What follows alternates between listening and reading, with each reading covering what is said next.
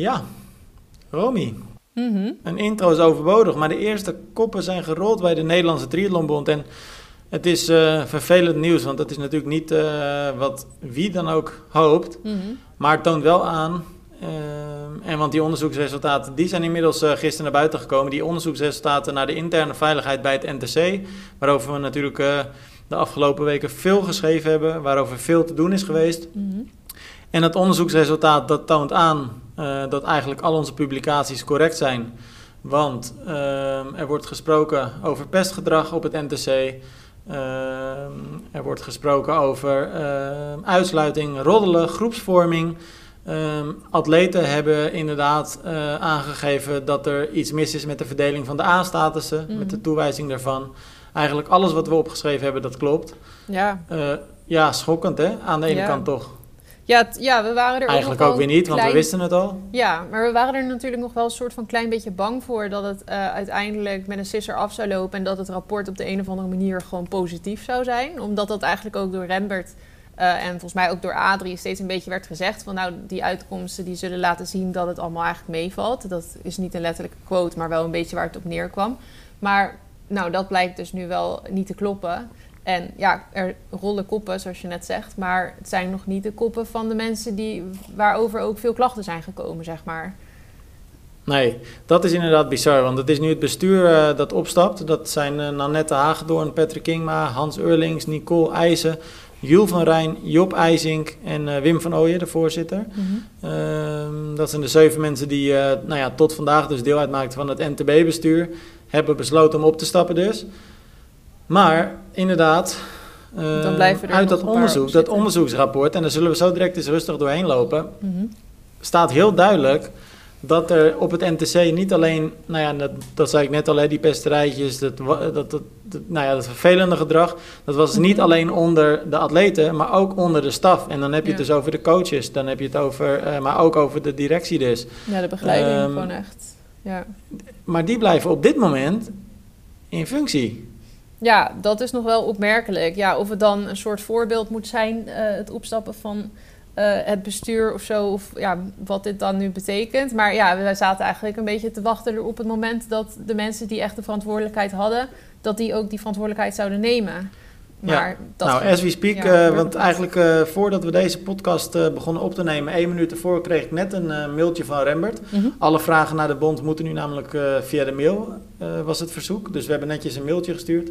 En waarin ik eh, Rembert heb gevraagd ehm, om hoe hij dan eigenlijk de toekomst ziet hè, met zijn eigen positie. Mhm. En ook die van de eh, overige stafleden. Omdat er natuurlijk in het onderzoek heel erg wordt gesproken over dat de staf heel, hele grote steek heeft laten vallen. Mhm. Dus ik vroeg hem van ja, hoe zit het dan? Hoe zien jullie die toekomst? En wat hij daar eigenlijk over zegt, ehm, los van het feit dat het nieuwe bestuur heel erg eh, graag wil dat er een, nou ja, een frisse toekomst komt. Nou ja, Mhm. logisch, dat mag ook wel nodig zijn. Maar over zijn eigen positie zegt hij eigenlijk alleen, behalve, ehm, ik kan daar niet zoveel over zeggen. eh, behalve dat een nieuw bestuur daarover kan oordelen. In dat opzicht is de triathlonraad nu aan zet. Nou, de triathlonraad heeft Ja. vanavond, op het moment dat deze podcast uitkomt, woensdagavond, eh, die uitgestelde vergadering. Dat is althans het laatste wat wij tot nu toe gehoord hebben. Het zou natuurlijk ook maar weer kunnen dat dat opnieuw wordt uitgesteld. Ehm, we weten ook nog niet of dat openbaar is of niet. Dat heb ik net ook eventjes nagevraagd. Dus dat zullen we later horen. Maar feit is wel dat er waarschijnlijk nog wel het een en ander gaat gebeuren. Ja, het is ook wel opmerkelijk dat, dat eigenlijk hij aangeeft dat, het nu, eh, ja, dat hij het nu aan een ander laat eh, om te bepalen of hij mag blijven zitten of niet. Eigenlijk zou je denken dat je gewoon zegt van... hé, hey, ik weet nu dat dit is gewoon niet goed gegaan. En ehm, Als eindverantwoordelijk, hè? Ja. ja, dan laat je dat toch niet Ja. aan iemand anders om dat te bepalen. Maar nou, goed, weet je wat ik vooral heel... Welke woorden mij nog heel erg helder voor de geest staan? En Mhm. ehm, dat heeft betrekking op Adrie Berg, technisch directeur. Romy, hij heeft, dat hebben we volgens mij de vorige podcast ook gezegd. Hij heeft ons glashard in ons gezicht gezegd, de twee keren dat we met hem gesproken hebben, eh, voordat het rapport überhaupt naar buiten was. Als er blijkt dat er iets mis is, Ben ik ben de ik de eerste die die opstapt. opstapt. Ja, Dat heeft hij letterlijk gezegd. hij is niet de eerste. Dat in ieder Hij is geval niet de eerste. En sterker nog, er komt geen enkele intentie volgens mij vanuit hem nu. Waaruit Adrie blijkt is dat hij wil opstappen. Ja, Adrie hoor je eigenlijk natuurlijk helemaal niks van. Terwijl, ja, hij toch vaak is genoemd. Zoals we al eerder zeiden Ja. eh, Ja. Uit het onderzoek blijkt. Laten we er eens eventjes doorheen lopen. Mhm. En dan gaan we eens even rustig uh, daar doorheen. Uh, het is een samenvatting van het rapport. Omdat de privacy van atleten wordt gewaarborgd. Nou, Mhm. alle begrip daarvoor snap ik heel erg goed. Uh, nou ja, laten we gewoon eventjes met het eerste punt beginnen. Groepsvorming, uitsluiting, roddelen en pestgedrag. Nou, dat zeiden we net al. Binnen het programma is sprake van groepsvorming, roddelen en vormen van pestgedrag en uitsluiting. Een deel van dit gedrag is ongericht en verpakt met humor, maar neemt in individuele gevallen ernstigere vormen aan. Verschillende atleten hebben aangegeven dat hun vertrek uit het NTC mede is ingegeven door de onderlinge omgang binnen het programma. Sommige atleten en stafleden geven aan dat de begeleidende staf onvoldoende ingrijpt of reageert op signalen. Sommigen gaan zelfs verder en geven aan dat coaches de situatie verergeren. Tja. Ja. ja, dat is eigenlijk echt precies ook wat wij natuurlijk veel hebben gehoord.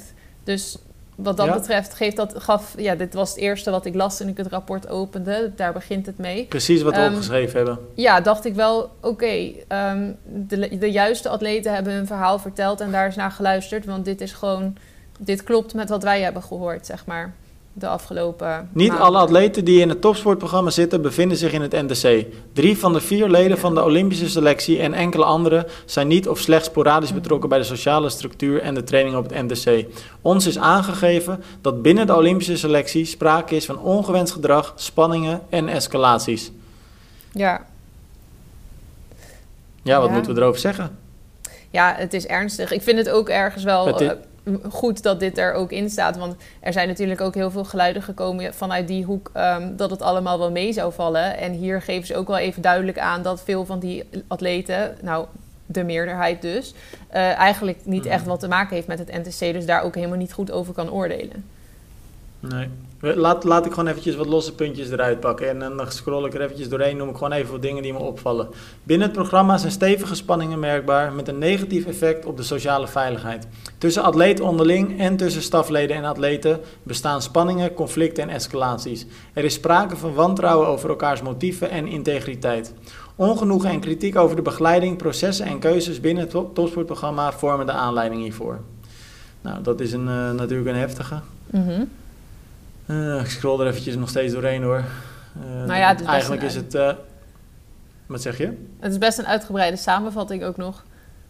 Ja, nou ja, het is een beetje lastig waar te beginnen en wat we nu allemaal moeten noemen, omdat het natuurlijk best wel veel is. Mhm. Maar eigenlijk de conclusie is gewoon: atleten geven aan dat ze geen gehoor hebben gevonden bij stafleden. Machtsmisbruik daarom hebben ze wordt ook wel uiteindelijk- duidelijk. Machtsmisbruik. Eh, Belangenverstrengelingen, familie die werkt De begeleiding op pedagogisch, didactisch en groepsdynamisch vlak is beperkt.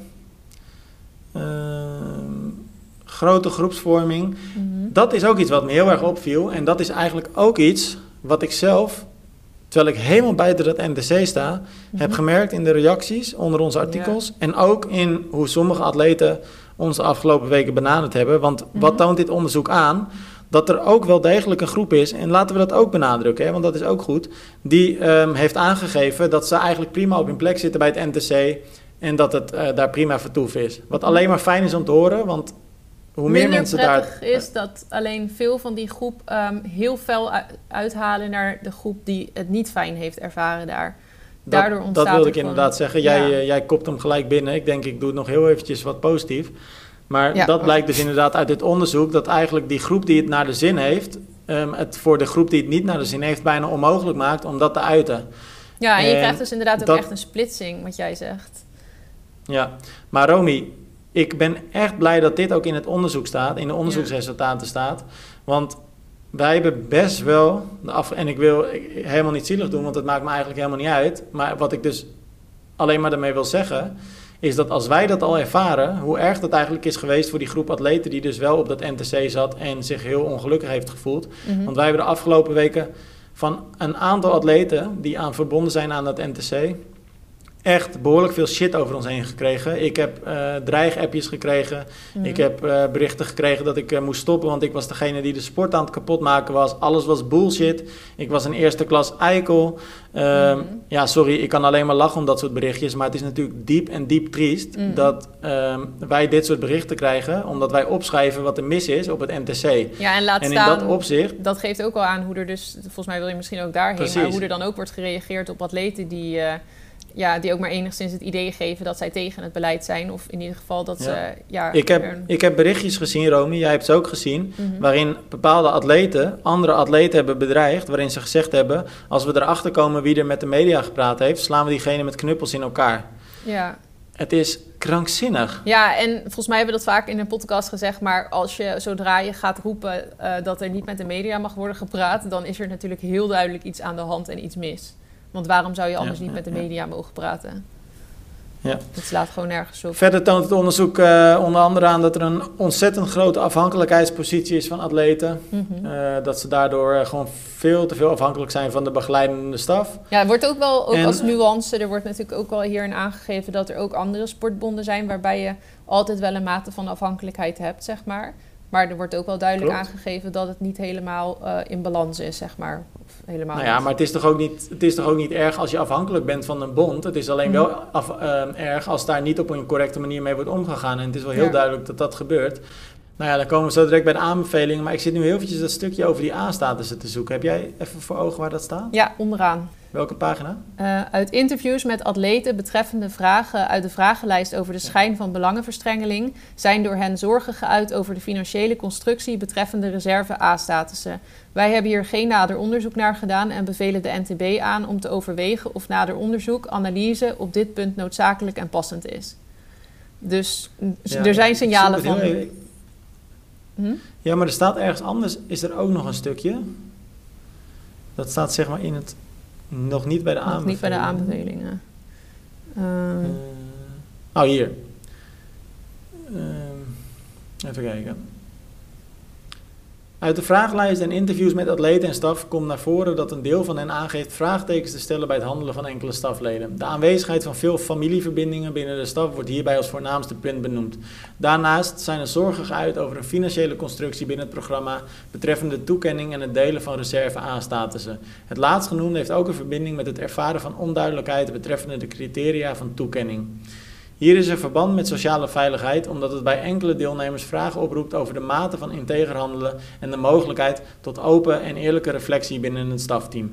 Nou, dat is dus eh, natuurlijk heeft dat betrekking op die 750 euro waarover wij schreven, die maandelijks door een aantal atleten betaald wordt. eh, om een, ja, die reserve A-status te krijgen zonder dat eh, die atleten eigenlijk aanspraak daarop maken op basis van de NOC-richtlijnen, NOC-NSF-richtlijnen. mhm.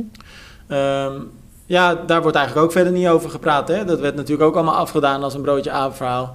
En Ja. ehm, Ja, het lastige Het is, daarvoor eh, heb je zoveel details nodig dat, om dat te, eh, te bewijzen, zeg maar. En dit onderzoek... zoveel details hebben we niet no- nodig, nodig Romy. Want we hebben het binnen een minuut kunnen we het aantonen. En dat Mhm. hebben we ook aangeboden. Ja, nee, dat is waar. Maar ik denk dat dit onderzoek, dat, dit- dat zij ook pas heel laat in het proces op dit zijn gestuurd. Op dat st- stukje van die A-statussen. Ja, precies, van daar- het onderzoek wel. Maar het is natuurlijk heel opmerkelijk dat je de bond daar zelf nu niet over hoort. Terwijl ze Mhm. er nooit meer onderuit kunnen. Ja. ja, dat hopen ze dat dat gewoon in de doofpot, eh, dat dat een beetje uitsterft, zeg maar. Dat we daar niks meer over horen en dan is het straks Ja, klaar of zo. ja. Nou, ik vind het trouwens en ook nog wel eh, opmerkelijk dat, ehm, misschien kwam je daar zo aan, maar dat ze eigenlijk ook benoemen dat er in het verleden ook dingen eh, mis waren. Misschien nog wel meer dan nu. Dat wordt eigenlijk ook gezegd. Eh, en dat ze ook adviseren Nou, om, wat... Hm? Ja? dat ze adviseren ook eh, om daar nog eens eh, beter onderzoek naar te doen. Ja, wat ik eigenlijk heel apart vind, is dat, want jij zegt dat, wat ik zo opmerkelijk daaraan vind, is dat in alle statements die de NTB de afgelopen week online heeft gezet, eh, er eigenlijk steeds gesproken werd van, het lijkt erop dat de problematiek zich in het verleden heeft afgespeeld en het Ja. gaat om atleten van, van meerdere jaren terug. Mhm. En nu zegt het onderzoek dat dit, nou ja, pestgedrag en al die dingen die we dan net Mhm. opnoemden, zich nu afspeelt. Ja, heel En duidelijk. dat de mogelijkheid zeer aanwezig is dat het in het verleden ook aanwezig is geweest. ja. Ehm, dus Dat het toen ook meer nog om lichamelijke eetproblematiek en prestatiedruk. eh Dat staat hier: eetproblematiek en prestatiedruk zijn onderwerpen die in het verleden een grotere rol hebben gespeeld. eh, dan in het heden, of lijken te hebben gespeeld. Dit baseren wij op wat atleten ons tijdens interviews hebben verteld. En dan vervolgens ook het advies om daar, gezien de ernst van de gedeelde signalen, dat eens eh, verder eh, uit te zoeken. wat we alleen maar kunnen hopen, Romy, is gewoon dat het inderdaad aangepakt gaat worden. En het zal mij eigenlijk worst wezen met welke mensen dat gebeurt, Mhm. als het maar beter wordt. Ja. Ja, inderdaad. Ja, er is nu iemand opgezet, Rita van Driel uit mijn hoofd. Die uh, hier ja, de juiste naar- persoon op de juiste plek. op het juiste moment. Ja. Ja, ik ken Rita persoonlijk niet. Maar in ieder geval goed Nee. dat er iemand is aangewezen die gewoon dit gaat uitzoeken. En ook iemand, eigenlijk misschien ook heel goed natuurlijk, dat we haar niet kennen. Dat, eh, toch? Dan is het wel waarschijnlijk ook een onafhankelijk iemand. Ja, geen idee dat wij er niet kennen betekent natuurlijk niet... eh, ik, ik heb, ge- ik heb ge- echt geen idee wie het is. Misschien is het wel een hele bekende binnen de triathlonwereld, maar mij Ehm, zegt het niks. Binnen de sportwereld wel. Ik had er straks even gegoogeld. Volgens mij niet zozeer binnen de triathlonwereld. Ik eh, zie nu inderdaad een eh, foto voor me. Ja, International Paralymp- Ze is- Paralympic Committee zit ze in Nederland. Ja, ja, ja. Dat zeg ik echt met Oké. stone cold English, maar ehm, het Internationaal Paralympisch Comité dus. Nou goed, ze is inderdaad niet per se de minste binnen de sportwereld dan. Nee. Ehm, maar ja, ik weet niet. Ik, ik vind het altijd lastig. Eh, wat kan. ja, het is goed dat dat soort dingen gebeuren hoor. Maar ik vind het altijd lastig om te zeggen wat dat nou eigenlijk kan oplossen. Volgens mij moet je gewoon de bezem erdoor. Mhm. Allemaal nieuwe mensen.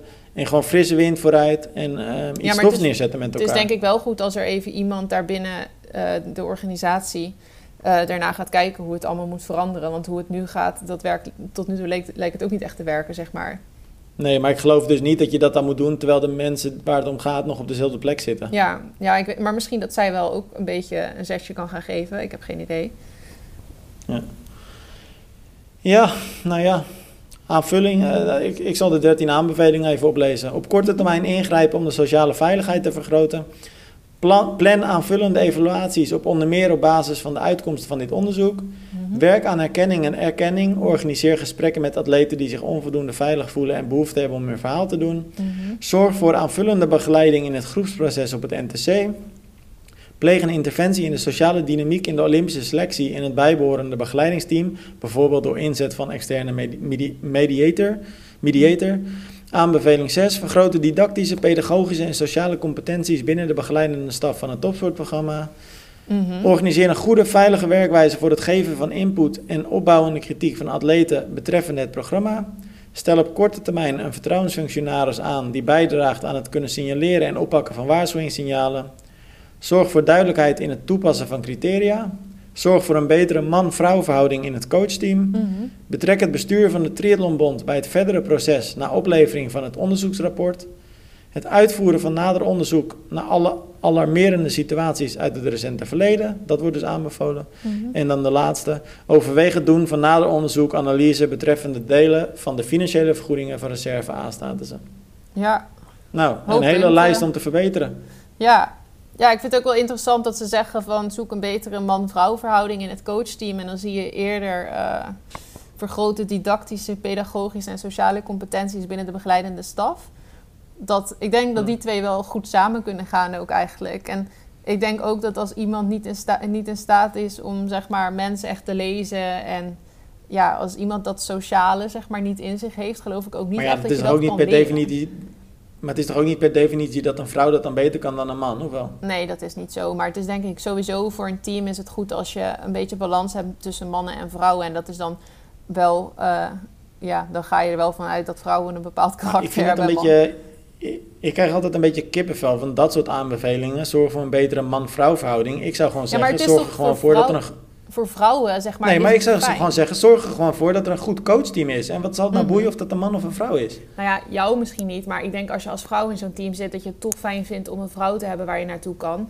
En ehm, dat empathische hebben vrouwen over het algemeen, en dan generaliseer ik, maar dat hebben ze over het algemeen toch meer dan dat mannen dat hebben. Ja, maar dan zou je bijvoorbeeld moeten zeggen, dan zou je bijvoorbeeld een vertrouwenspersoon aan moeten stellen die dan daarvoor is als vrouw, Mhm. zeg maar. Maar dan moet je toch niet per se een vrouwelijke coach ja, maar hebben? vrouwen brengen toch altijd, eh, en nogmaals weer generaliserend, maar dat brengt gewoon een andere dynamiek. Zeg maar als je alleen maar mannen hebt, of alleen maar vrouwen, of een combinatie van mannen en vrouwen, dat geeft zulke andere, het geeft zo'n andere dynamiek. Ja, nee, maar dat ben ik met je eens. Maar dat hoeft dan toch niet per se een coach te zijn? Wat bedoel je, die vrouw? Nou, als je nou bij wijze van spreken eh, acht hele goede coaches ziet ergens, ik zeg maar Mhm. wat, hè. Het zijn allemaal acht, het zijn acht mannen. Ja. En je hebt er nog een, nog, eh, een paar vrouwelijke coaches waarvan je eigenlijk allemaal met elkaar het eens bent dat ze bijvoorbeeld minder, eh, gewoon kwalitatief Minder zijn als coach. Ja, nou ja, kijk, dan, dan ga je, het- kies je toch voor die mannen en dan, dan zorg je Mhm. er gewoon voor dat je op een andere manier een vrouw aan je team verbindt. Nee, oké, als dat inderdaad heel duidelijk is, dat, dat die, dan moet je gewoon kiezen voor, eh, ja, voor kwaliteit, zeg maar. En niet voor. Ja, eh, precies. Volgens mij moet, moet dat gewoon nu de graadmeter zijn. Je moet gewoon, je moet gewoon gaan voor een veilige, kwalitatief hoogstaande... Nee, dat eh, geloof ik ook. Maar ik denk dat als je op een gegeven moment een team hebt van tien en je hebt al acht mannen geselecteerd en er komt een man en een vrouw voor positie 9, zeg maar, en ze, ze zijn allebei eigenlijk even goed, dan denk ik dat het ook wel eens goed is om er een vrouw eh, ja, bij te halen. Want volgens mij in het bedrijfsleven werkt het ook gewoon goed om in een team een afwisseling van mannen en vrouwen te hebben. Ik denk dat dat... ik werk ook fijn met jou samen hoor. Precies, wij zijn toch ook een goed team? Want wij zijn perfect in balans. ja, ja, ja.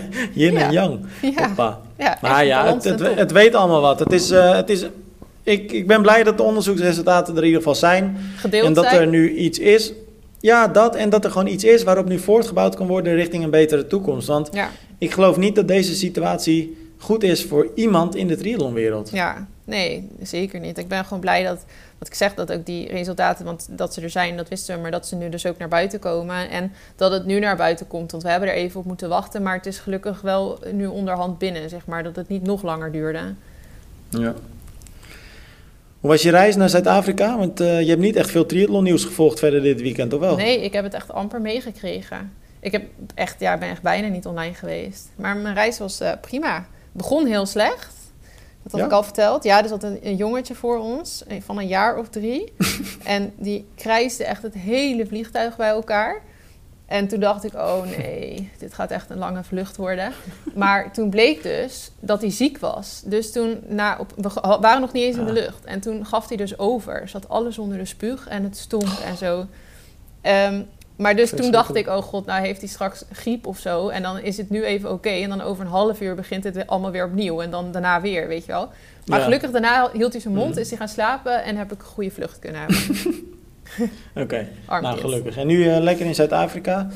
Eh, Ja. Wat dat betreft top. Maar je hebt wel een prachtige wedstrijd gemist hoor. Los van het feit dat we eh, best wel wat Nederlandse succes hadden. Ik noem eh, Mhm. bijvoorbeeld een Mitch Kolkman die eh, vierde werd op het WK Ja, eh, voor junioren. Eh, wat dacht je van Ian Pennekamp die gewoon eventjes Ook vierde, werd vierde, eh, ja. op de ETU Cup.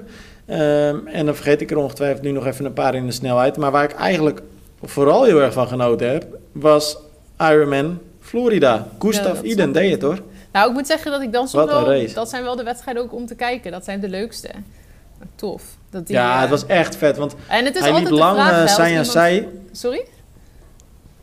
Nee, wat wil je zeggen? Ik wil zeggen, het is, het is altijd een vraag als iemand goed is op de halve afstand... of dat ook eh, of Mhm. dat dan doorvertaald kan worden naar de hele. Want soms, ja, Ja. soms ligt de een de hele en de ander de halve... en dan kunnen ze niet allebei, zeg maar. Maar Gustav Maar Iden- 27 of, 28, 27 of 28 kilometer of zo liep hij zij aan zij met eh, Lionel Ja, Sanders. Hè? Dat was echt vet. Ja, ik, ik heb maar het dus niet gezien. maar ik 2 hoorde uur het. 34. Sorry? 2 uur 34 looptijd. Ja. Gestoord. Wat was de eindtijd dan? Want dat weet ik even niet. Nou, dat viel nog wel mee. Volgens mij uit mijn hoofd 8,42 of zo. Oh, is dat zo? Eh, maar het waren hele zware zwemomstandigheden ook. Oh, was het heel wild water? Golven, geloof ik. Oh, ik had wel gehoord volgens mij dat hij meer dan een uur of zo zwom. Klopt dat? Eh, volgens mij net onder het uur. Oh, Oké. Hm. Nee, maar Misschien vet. dat Gustav Iden inderdaad net erboven zat, maar het waren inderdaad hele langzame zwemtijden. Maar eh, wat wel jammer is, Mhm. is Sarissa de Vries, die echt Ja. knijter goed van start ging en eh, heel lang op kop lag. Maar tijdens de marathon was de tank leeg, ze had problemen met haar voeding, met ja, de maag. toch weer. Hè? Dat heeft ze best wel vaak al eh, gehad. Ja, En in Almere toen Jammer, uiteindelijk hoor. kwam het toch nog wel goed. Toen kwam het gelukkig vrij laat. Maar- Maar, maar ja, aan de andere kant weet je wel, Romy, zei, eh, als ik Sarissa was, zou ik eh, eventjes eh, slikken, uithuilen Ja. en nu gewoon terugkijken op een prachtig En seizoen. Want- ja, het is precies, een, want dit, dit was fenomenaal natuurlijk, het jaar van Sarissa. dus whatever Ja. dan. Dat vergeten we gewoon Precies. weer. Nou ja, whatever. Ik kan, ja, precies. Wat, gewoon even uithuilen en de volgende dag weer lekker aan de bak en genieten van al het moois Mhm. wat je dit jaar hebt meegemaakt. Want ja, prachtig. Ja, ik denk toch alleen dat het lastig is als je topsporter bent, dan ja, is dat Mhm. toch iets moeilijks. Dan verwacht je toch iedere keer van jezelf weer echt een topprestatie, zeg maar. Maar ik hoop Ja. voor haar dat het er wel lukt om gewoon te denken van eh, laat dit. Want inderdaad, ze Ja. heeft zo'n topjaar gehad. Hm. Trouwens, ik vond het grappig Nou. nog even over die mannenrace. Lionel Sanders wordt dus gecoacht door de broer van Gustav Iden, hè? Echt waar? Ja. Ehm, Oh? Ik weet nou even zijn naam niet. Maar zijn achternaam is Iden. Maar, dat weet ik wel. goed verhaal. Mikkel of zo, Michael?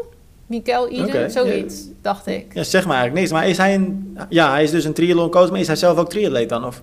Dat, ja, dat denk ik. Maar ik denk, ja, ik weet niet eens of hij echt, ja, hij zal vast wel triathlon doen, denk ik. Dat weet ik niet. Maar volgens Hmm. mij coacht hij zijn broer, of eh, ja, zijn broer dus, Gustav, coacht die geloof ik ook. Dus dat is dan. Nou, dan is hij niet eh, per se een hele slechte coach, denk ik. Nee, want Sanders die ging ook een paar maanden geleden op zoek naar een andere coach, omdat hij weer.